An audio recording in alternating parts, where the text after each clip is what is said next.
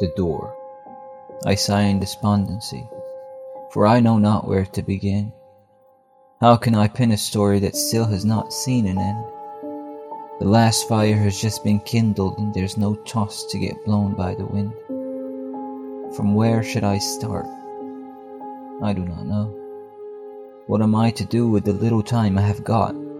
I learned to cope with the consequences which my grisly deeds had wrought, and yet I behold no resolution to my plot, for in complete frailty I roam in the same old spot, with my mind hovering in perplexity, asking me, Where is thy heart?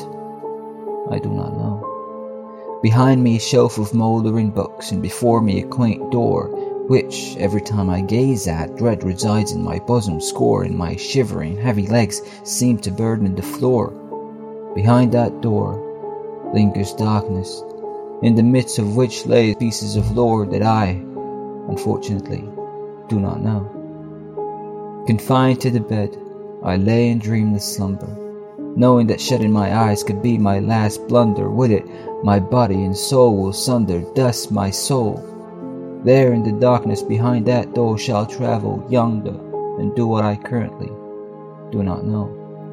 Still, I feel now as I felt yesterday and the day before when I rose, and despite my long death-like sleep, I feel as if I had no single moment of repose, which makes me think, or yet believe, that the bleak days of winter have finally arrived to take away the few lasting petals of my little fragile rose. Will it bloom again? In other days in another garden? I do not know. This acute anguish that I now feel is my only Achilles heel that no armor can conceal, no matter how crafted the smith's hands.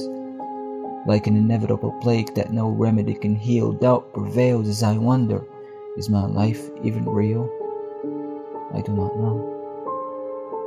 All I'm left with is a wistful smile that aches my right cheek, and hoarse whispers of regret that, to the attentive luminous stars of dark nights, I speak, wretched and weak, I accept. No, I seek, with drained eyes and tear streaks over my angular pale face, what lies behind the door that earlier stood ajar, and now is opening amid a terrifying creak.